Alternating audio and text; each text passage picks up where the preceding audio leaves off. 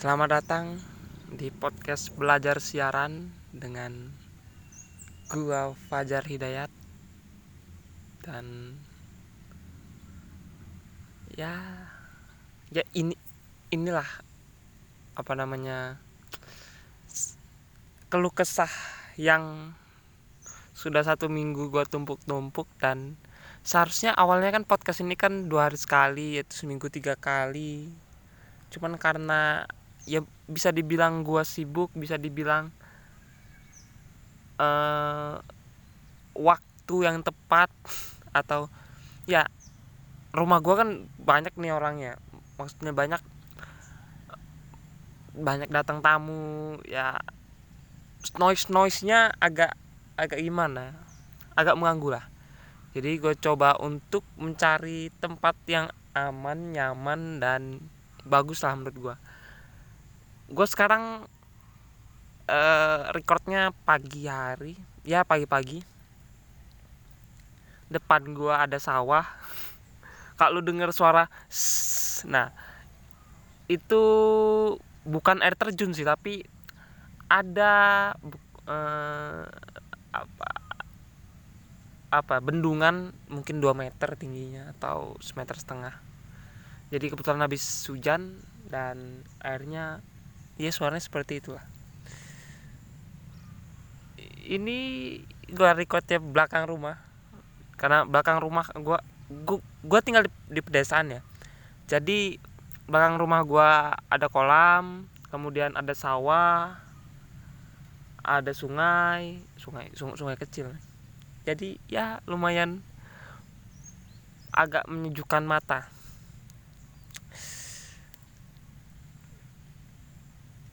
gue sempet spoiler di WhatsApp gue bakal bahas tentang ah, apa satu judul komik yang udah gue baca 8 episode 4 buku.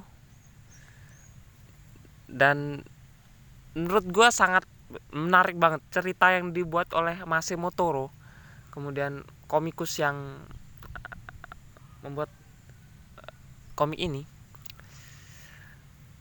Ini ternyata bener men. Judul kecil bagian atasnya adalah drama yang menggetarkan jiwa. Anjir. Dua hari gue mikirin ini dan gue mencari solusinya ternyata sangat sulit. Jadi gini ceritanya di sebuah negara. Ada sedang mengalami fase di mana pemuda suka bunuh diri, kemudian pemudanya uh, melakukan tindakan-tindakan kriminal. Dan sampai di saat pemerintah membuat namanya undang-undang apa? Undang-undang kemakmuran kalau nggak salah ya undang-undang kemakmuran negara yang mana peraturan itu mengharuskan seluruh orang yang ada di negara tersebut akan disuntik oleh vaksin yang satu dibanding seribu di antaranya adalah nano kapsul yang bisa meledak di jantung. Seperti lutam tep gitu. Itu divaksin ketika SD ya setiap setiap siswa-siswa masih kecil kemudian mereka didoktrin bahwa ya undang-undangan ini untuk uh, mengatasi maksudnya undang-undang ini untuk di, dibentuk untuk agar manusia manusia manusia itu menganggap penting apa arti kehidupan sehingga tidak menyanyiakannya dan ternyata setelah berpuluh-puluh tahun kemudian bertahun-tahun kemudian undang-undang itu ternyata benar. Angka kriminalitas makin turun uh, kedamaian di negara tersebut makin baik. Dan infonya untuk korban korban yang disuntikan nanokapsul tersebut. Jika ia mati dia akan mendapatkan hmm, apa sejaminan atau retribu bukan retribu, apa ya namanya? Ya di, dikasih uang uang uang pengganti apa namanya? Oh itu, itu apa namanya? Lupa main gue namanya apa ya? Nanti gue kasih tau. Mereka kan diganti uang ganti rugi. Bukan ganti rugi nyawa nyawa nggak bisa diganti men. Uang ya uang uang uang uang uang bahagia mungkin mungkin. Sebenarnya ada namanya cuman gue hilang di kamus uh, uh, kamus otak gue dan tetapi penggantian uang itu bisa musnah apabila orang yang mendapatkan uh, nanokapsul tersebut yang bisa meledak di jantung itu melakukan tindak kriminalitas. Dan 24 jam sebelum uh, apa sebelum masa hidupnya berakhir atau sebelum nano itu nano kapsul itu meledak akan ada pengantar surat kematian. Nah, surat kematian itu namanya ikigami. Ya.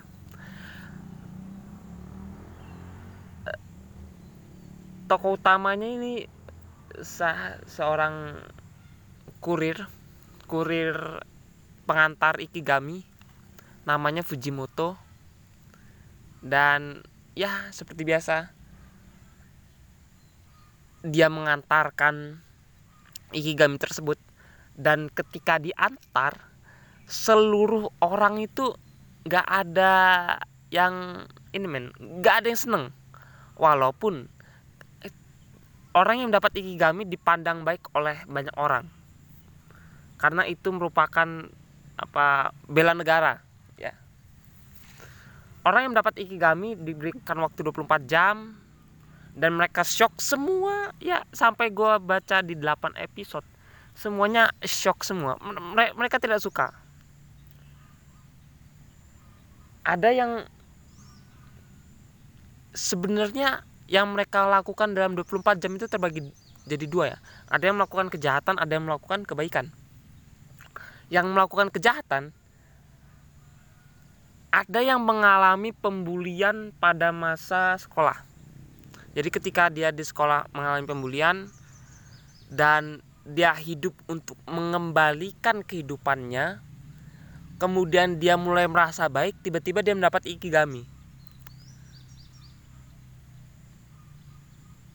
Itu rasanya uh, apa yang telah lu lakukan selama ini sia-sia gitu. Kemudian di cerita tersebut dia mulai membalas dendam kepada orang-orang yang telah yang pernah membulinya. Ya dengan melakukan hal yang setimpal menurut dia. Dari inti poin yang gue ambil bahwa semua orang nggak siap main sama kematian. Nggak siap dan mereka nggak mau hilang dari peradaban ini. Dia nggak mau hilang di dunia ini. Semua yang telah dia bangun hilang kemudian ada drama-drama intrik-intriknya. Dan yang paling melekat di gua adalah ceritanya ada hmm, salah satu cerita yang menarik ya menurut gua. Ada di episode 5 atau 6 jadi ada seorang pemuda yang tidak mendapatkan perhatian orang tuanya karena ibunya maju sebagai uh, ingin ingin menjadi wali kota dan suaminya menggantikan posisi seorang ibu walaupun kebanyakan jadi asisten apa istrinya karena istrinya maju sebagai wali kota. Dan anaknya tidak diperhatikan tiba dan ketika anaknya diperhatikan kan istrinya kan e, ibunya kan maju ke calon wali kota ya. Dan dia menggembar-gemborkan undang-undang apa persemakmuran kesejahteraan tadi yang mana satu banding seribu orang akan disuntikan vaksin. Tiba-tiba anaknya mendapatkan ikigami. Anaknya mendapatkan ikigami tidak mendapatkan perhatian orang tuanya dan tiba-tiba si ibunya malah ingin mengajaknya ingin mengajaknya untuk kampanye. Dan menunjukkan bahwa ini anak saya mendapatkan ikigami saya sangat senang karena ini merupakan uh, apa kegiatan bela negara. Dan ketika satu kali 24 jam ya diberikan waktu anak tersebut hanya disuruh untuk berbelanja sepuasnya dan diberikan kartu kredit. Maksudnya diberikan kartu kredit oleh ibunya dan berbelanja sepuasnya. Ini walaupun ini cerita ya kalau kita pikir-pikir bahwa masa hidupnya akan habis. Kenapa tidak eh, tidak menghabiskan waktu bersama mungkin seperti mungkin kebanyakan orang lain akan lakukan? Dia hanya meruhnya silahkan ke supermarket membeli apa pun yang kamu mau. Dan tiba-tiba anak tersebut ke supermarket dia membeli obat obat. Kemudian dia kantor polisi uh, mengambil senjata polisi tersebut. Kemudian dia pergi ke kerumunan ibunya yang sedang berorasi. Dia bilang bahwa anaknya menja menjadi uh, salah satu orang yang terpilih menjadi pengorbanan atau persemakmuran tersebut. Dan anaknya datang. Kemudian ibunya melihat ditepuk tangani oleh banyak orang. Kemudian anak tersebut mengacukan senjata. Dan ibunya sangat shock dan terjadi pergolakan dan ya ibunya tidak berhasil ditembak dan dia malah ditembak oleh polisi. Dari banyak episode yang gue, simpulkan bahwa ini kayak nihilisme. Paham di mana dunia ini nggak ada arti. Dunia akan terus berputar terus berputar bahkan tanpa adanya kita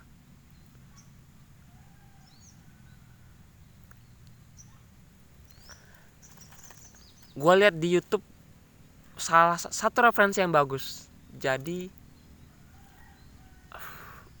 ada orang yang mengibaratkan dunia ini kayak kita menggulingkan batu bundar yang besar ke atas gunung. Di ya kita dorong batunya ke atas gunung turun lagi kita dorong apa eh, batunya ke atas turun lagi. Dan memang kayak gitu dunia, eh, manusia. Ya hari Senin bekerja kemudian hari Selasa seperti seperti itu hari Rabu bekerja lagi hari hari hari Sabtu bekerja hari hari Minggu libur kayak gitu terus. Ternyata bener ya apa orang orang tua bener mengatakan bahwa dunia ini adalah dunia yang fana. Dan gua nggak pernah ngeliat kalau kita tarik ke komik tersebut ya gua nggak pernah ngeliat bahwa ada orang yang tersenyum mendapatkan ikigami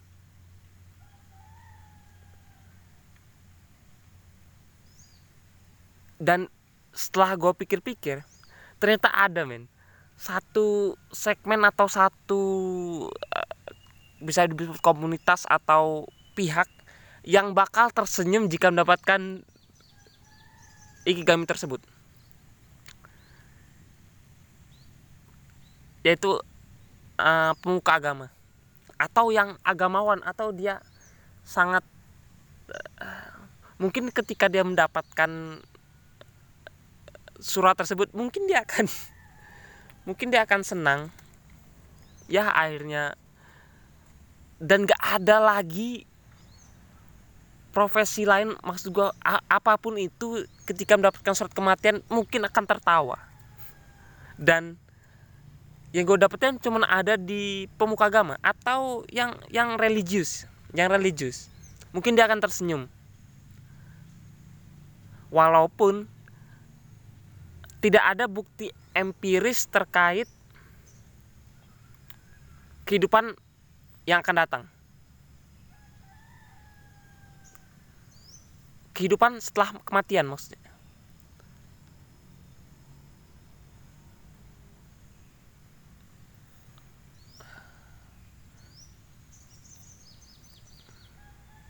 Dan kalau gue tarik lagi ya apa kita kembali ke komik tersebut. Ada banyak orang yang ingin melakukan kebaikan uh, di sisa hidupnya di waktu satu kali 24 jam. Dek melakukan kebaikan dengan mendonorkan matanya mungkin. Dan kalau memang itu memang akhir hidup yang dia inginkan maksud gua kenapa nggak dari kenapa nggak dari awal kita bisa berpikir mungkin umur 18 umur 19 kita mulai bisa kita melakukan kebaikan seterus seterusnya kalau memang akhir kehidupan akhir kehidupan lu melakukan kebaikan Kenapa lu nggak melakukan kebaikan dari awal hingga akhir?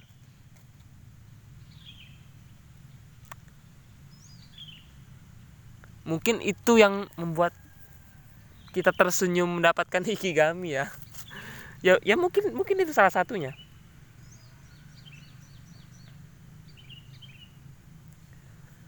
Dan I don't know.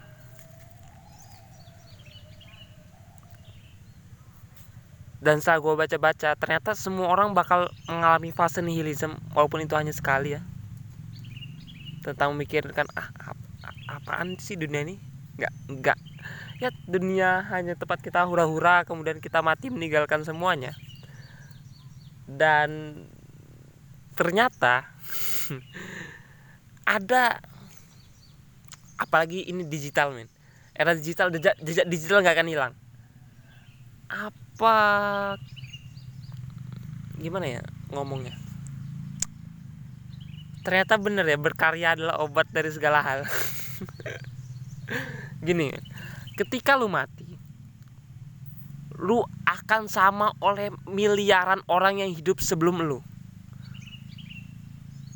Ketika lu mati lu mungkin akan dikenang oleh dua generasi setelah lu. Oleh anak dan cucu lu abis itu udah. Cicit lu gue yakin enggak men. Nggak nggak akan main ke, makam lu enggak. Nggak akan main ke itu enggak pas, pasti lupa dan itulah yang dirasakan oleh mungkin apa apa buyut lu atau kakek nenek bapak lu mungkin. Kayak gitu. Mereka akan dilupakan oleh cicit-cicit mereka. Dan hidupnya tertinggal. Dunia akan berputar tanpa adanya mereka. Dan obat dari solusi ini adalah berkarya lu nggak akan mati ketika karya lu dibaca oleh orang lain. Walaupun pada saat dulu terkenal sangat terkenal dengan tulisan. M maksudnya karya itu adalah sebuah tulisan pada zaman dulu. Dan itu terbukti dengan ya apa tetra tetra apa? Trilogi men. Tetralogi. Ya tetralogi Pramudia kemudian uh, Das Kapital Karl Marx kemudian uh, Adam Smith dengan bukunya The ah, apa ya, Nation apa dan semua itu bisa oleh karena karya. Lu dikenang karena karya like kayak Su Su Soekarno kemudian uh, walaupun karya Soekarno kebanyakan pemikiran dan kemudian ada R.A. Kartini kemudian Wiji Tukul dengan puisinya berjudul Lawan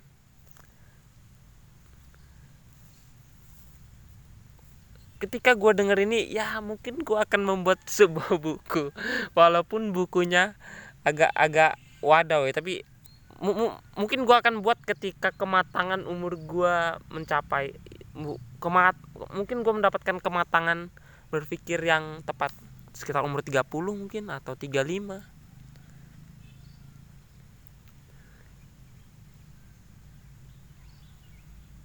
dan ya seperti itulah dunia.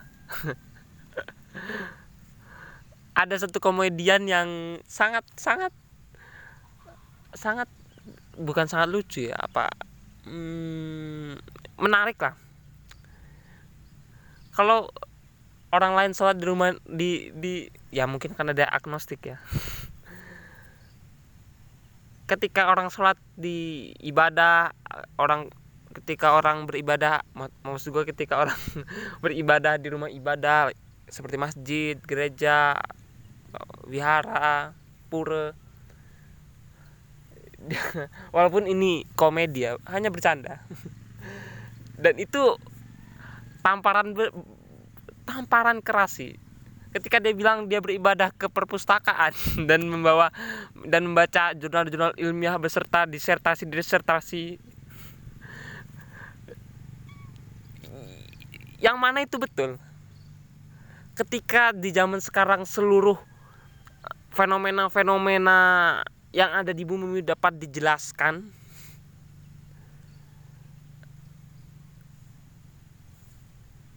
ada ini ini gue mulai penggiringan opini kepada uh, jangan-jangan.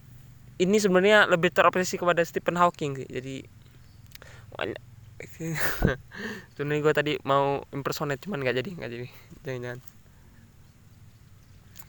Dengan apa si teori relativitasnya Einstein ya? Einstein ya relatif itu ya?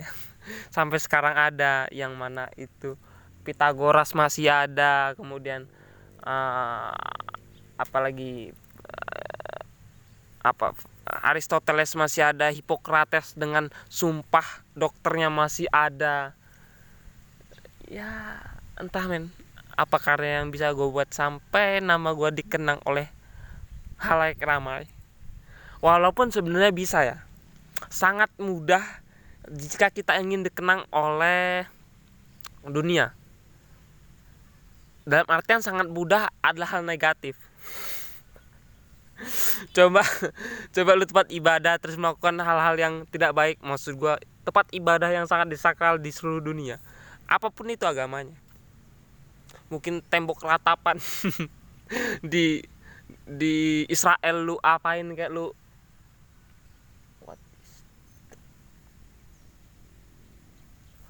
Di samping gua ada pohon ya dan tadi bergerak sama hewan apa ya? Dan tentunya ini tidak horor tidak mungkin horor. Gua mencoba untuk tidak percaya dengan hal yang seperti itu tapi ya sudahlah. Dan ya gua bakal nyoba untuk get lagi upload walaupun gua gua kadang ngebom mak maksudnya uh, ngebanyakin satu hari kemudian gua ubah tanggal terbitnya kemudian dia bisa otomatis mengikuti penerbitan tanggal tersebut. Dan oh ya men. Sedikit cerita dengan hari ini. Enggak hari ini kemarin. Kan gue udah atur um, WhatsApp gue supaya orang nggak sembarangan bisa invite gue masuk grup. Jadi ada ada konfirmasi dari gua. Selaku orang or, orang yang diajak grup. Orang yang diajak bergabung. Tiba-tiba ada nih satu grup yang judulnya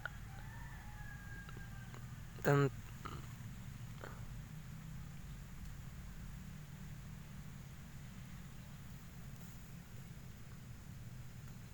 yang judulnya grup apa SMP men. Walaupun gua berbasis madrasah ya. Oh, nggak berbasis Islam nggak berbasis madrasah. Dan gue sedikit ag agak wadaw ketika